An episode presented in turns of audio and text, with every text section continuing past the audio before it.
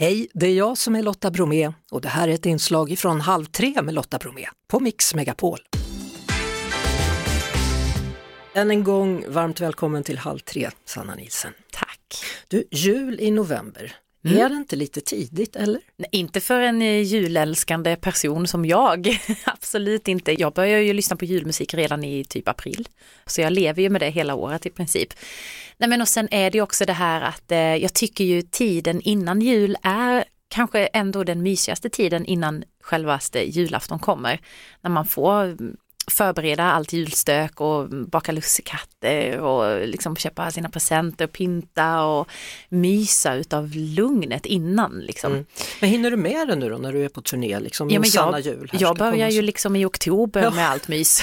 Så allt är klart, varenda julklapp har du slagit in, är så? ja, nej, just julklapparna är jag väldigt dålig på, alltså det är jag lite så här sen på, men just hemmet och, och myset liksom där omkring är, är supertrevligt. För sen åker jag på turné i mitten av november och, så, och är ute liksom på vägarna hela tiden. Så Ja, då vill man ju när man väl kommer hem också de här dagarna man inte spelar, då vill man ju kunna mysa ut av det här som man har förberett. du, julen är ju eh, egentligen en religiös högtid, hur är det med dig, har du en tro? Alltså ja, eh, jag vill tro. Jag tycker också att eh, jag gör det, men jag, jag, alltså jag brukar inte heller säga så här att jag måste inte heller ha någon speciell, ja, men jag måste inte veta exakt heller, utan eh, det kan bara vara skönt och vilsamt att känna att ja, men jag tror på något. Ja, för att om du visste kunde du inte tro. Nej, precis. Och jag tycker det är ganska fint också och vackert att eh, få, få känna så. Du slipper i alla fall vara julvärd i SVT, för det har du redan gjort. Det har jag gjort. Jag, 2016. ja, precis. Mm. Ja, det har väl du också gjort? Ja, 2003 och jag kan säga en sak till dig, att Ja. jag är så glad att det inte fanns sociala medier då. För jag vet vad, hur det blev för dig, det var, vad var det där för trams när du skulle Ja, så jag- presentera, så det var tjafs om Jaha, det var, läppstift ja och men grejer. just det, precis, ja men det var den eh, grejen där Ja. jag innan, ja när man presenterades som julvärd då ja, ja men Ja. Då, ja vad var det det handlade om nu då? Det var, jag hade en, på min pressbild så hade jag en eh, stickad eh, tröja där jag visade mina bara axlar och så hade jag rött läppstift och så och det, kan, det engagerade folk eh, ganska mycket och, och så men eh, Nej, men jag, jag känner det att, att när jag var julvärd då fanns ju inte sociala medier på, på samma sätt som det gör nu. För nu är Mm. det som folk kan tycka om precis vad som helst, när som helst och hur som helst. Mm, så är det, absolut.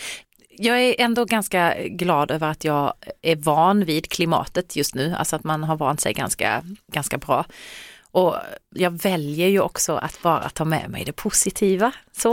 Var har du gått i terapi? Ja, ja, men du vet jag har så himla fina människor omkring mig också, min familj som också är otroligt supportande och, och dessutom så oftast är det liksom en liten klick negativa ord som man får på sociala medier medan de som faktiskt går in och skriver där följer ju en för att de är intresserade och nyfikna och, och tycker om det man gör. Så att då tänker jag att då tar jag med mig det istället. Och jag vet att vi någon gång också har, har berört när du var yngre, att, att folk var inte alltid snälla. Nej, så var det ju absolut. Det handlar ju om eh, när jag gick på högstadiet här i skolan i eh, Bromölla. Alla kände alla i den där byn i princip och att sticka ut var ganska eh, uppseendeväckande och det skulle man ju inte göra och sen var väl inte jag då kanske den coolaste jag gjorde kanske inte den coolaste musiken då för tonåringarna i skolan. Så att så kunde det vara och det var en tuff tid men jag fick också fina minnen med mig därifrån. Jag fick också lite mer skinn på näsan och eh, slutade be om ursäkt för mig Ja, själv. Du gjorde ju till en fågel när du var 11 år. Då. Mm, Var, var de avundsjuka på att du fick vara med i tv? Var det sånt? Nej, jag vet inte vad det egentligen grundar sig men det kanske det gör så. Men jag tänker också med facit i hand, eller nu när man är vuxen också, att när man är tonåring så utan att ursäkta dem, det beteendet som de hade då, men man är ju tonåring, man är väldigt ung, man vet knappt själv vem man är som person och man, när man också går på högstadiet så man ska försöka hitta sig själv lite mer i hur, hur är man här och så. Det gjorde, försökte jag också göra. Så att, ja, det är inte lätt att Nej. vara tonåring och det var inte lätt att vara offentlig tonåring heller. Det var lite avundsjuka och sådär. Men jag fick faktiskt en hel del ursäkt också ett antal år senare. Och det tog jag tacksamt emot. Jag fick en ursäkt en gång Ja, från en kille som hade gjort slut med mig då.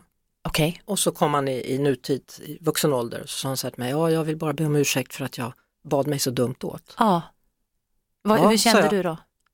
Ja tack, sa jag. Vet du vad han sa då? Nej. Ja, för jag visste ju inte att du skulle bli så känd. Nej men, ja, du ser, ja. Ja, vissa läser inte, om man säger Nej. så. Det var det. Nej, Vi hörs såklart jag, igen minns på faktiskt Mix en Megapol kom fram och varje eftermiddag efter en vid halv eh, tre. konsert jag hade i kyrkan i Bromölla. Det här är massa år sedan nu. Och jag stod, hade precis börjat konserten, det var fullsatt i kyrkan och så helt plötsligt kommer den här personen in tillsammans med en annan person och jag blev helt så förstelad förstelnad och bara kände, nej men gud vad gör, vad gör han här nu liksom? Vad, vad ska han göra den här gången? Och han kom in och satte sig i kyrkan, nickade lite för att hälsa lite sådär. Och sen efter konserten så går jag ut och ska skriva autografer och ta bilder och lite sådär. Och då ställer han sig också sist i kön och jag bara, nej men gud vad är detta, vad ska han, Usch, jag blir så himla nervös. Mm. Och så när det var hans tur så kom han fram och så sa jag, vill tacka för en jättefin konsert och sen vill jag dessutom be om ursäkt för eh, eh, att jag var taskig mot dig i högstadiet. Det, det, ja, det har jag mått jättedåligt över och, och, och lite sådär och så vidare. Och jag, det var ett jättefint möte. För jag hade ändå lämnat allt det där bakom mig för ganska länge sedan men det var fint att, eh, att vi fick ett sånt avslut.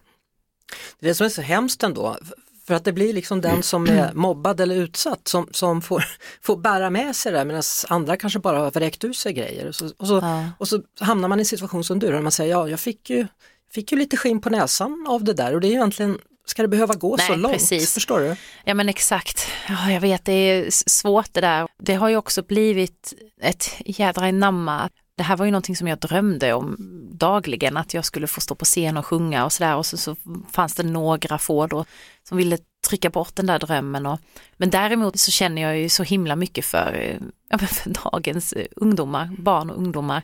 För då på den tiden, det fanns ju inte internet på samma sätt som det är idag. Och jag kunde ändå ha en frizon hemma. Att stå hemma på mitt flickrum och sjunga lite och, och må bra. Det är många får ju med sig mobbningen hem ändå. Mm. Som småbarnsmamma nu, som nybliven mamma också, man vill liksom bara Ja, jag vill ju bara skydda honom från allt eh, så, och så vet jag att det kan jag inte heller riktigt göra utan man Mm. får ju, man tar det steg för steg. Om du fick prata med Sanna då, från den tiden, vad vill du säga till henne? Jag skulle nog vilja säga idag till henne att det är helt okej att vara blyg och osäker. Du behöver inte veta allt, du behöver inte veta vad du tycker om allting heller. Du är 11 till 15 år eller vad det var i den här perioden då jag var som blygast. Du får vara precis som du är. Ett poddtips från Podplay. I fallen jag aldrig glömmer djupdyker Hasse Aro i arbetet bakom några av Sveriges mest uppseendeväckande brottsutredningar.